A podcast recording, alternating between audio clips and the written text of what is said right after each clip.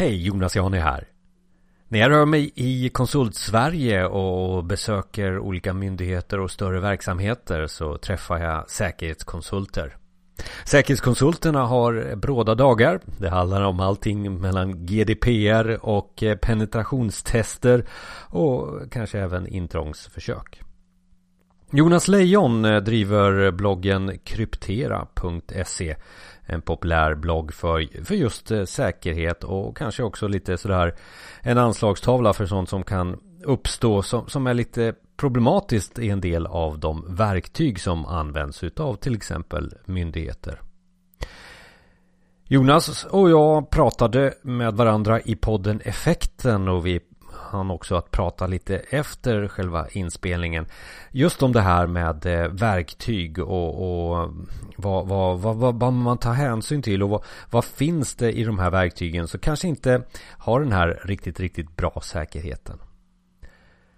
Många som använder sig utav webbservrar, ehm, väldigt mycket myndigheter och, och eh, kommuner använder sig utav verktyget Episerver.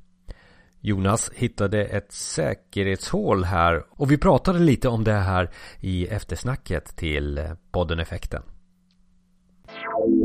Jag hittade en sårbarhet i Episerver här. Eh, det var egentligen förra året. Problemet med Episerver är ju att de flesta kör med gamla versioner. Att eh, uppgradera Episerver är ju liksom ett väldigt stort projekt tydligen. Och, eh, så jag gjorde lite undersökningar. Jag har ju kontaktat massor med företag och myndigheter och innan jag gjorde den publiceringen för att det är väldigt många som ligger på gamla versioner.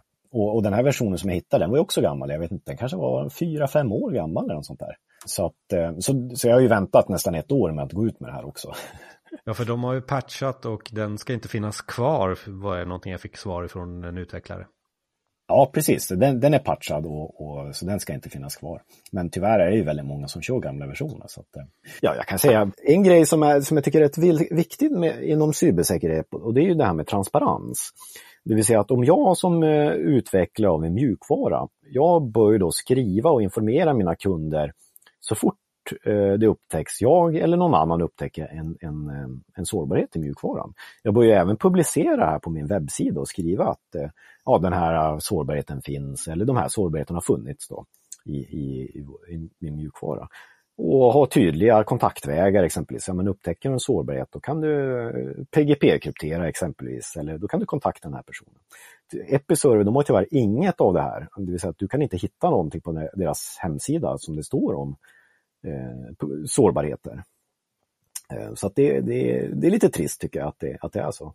Nej, men det är lite tråkigt just det att organisationer inte blir bättre. Jag menar Microsoft, Apple, alla de här företagen stora, de har ju Google, de har insett det här att fan, vi måste ju vi måste ju vara transparenta inom, inom säkerhetsområdet. Vi måste kunna dela med oss av våra erfarenheter och, och, vad vi lär oss av, av det här.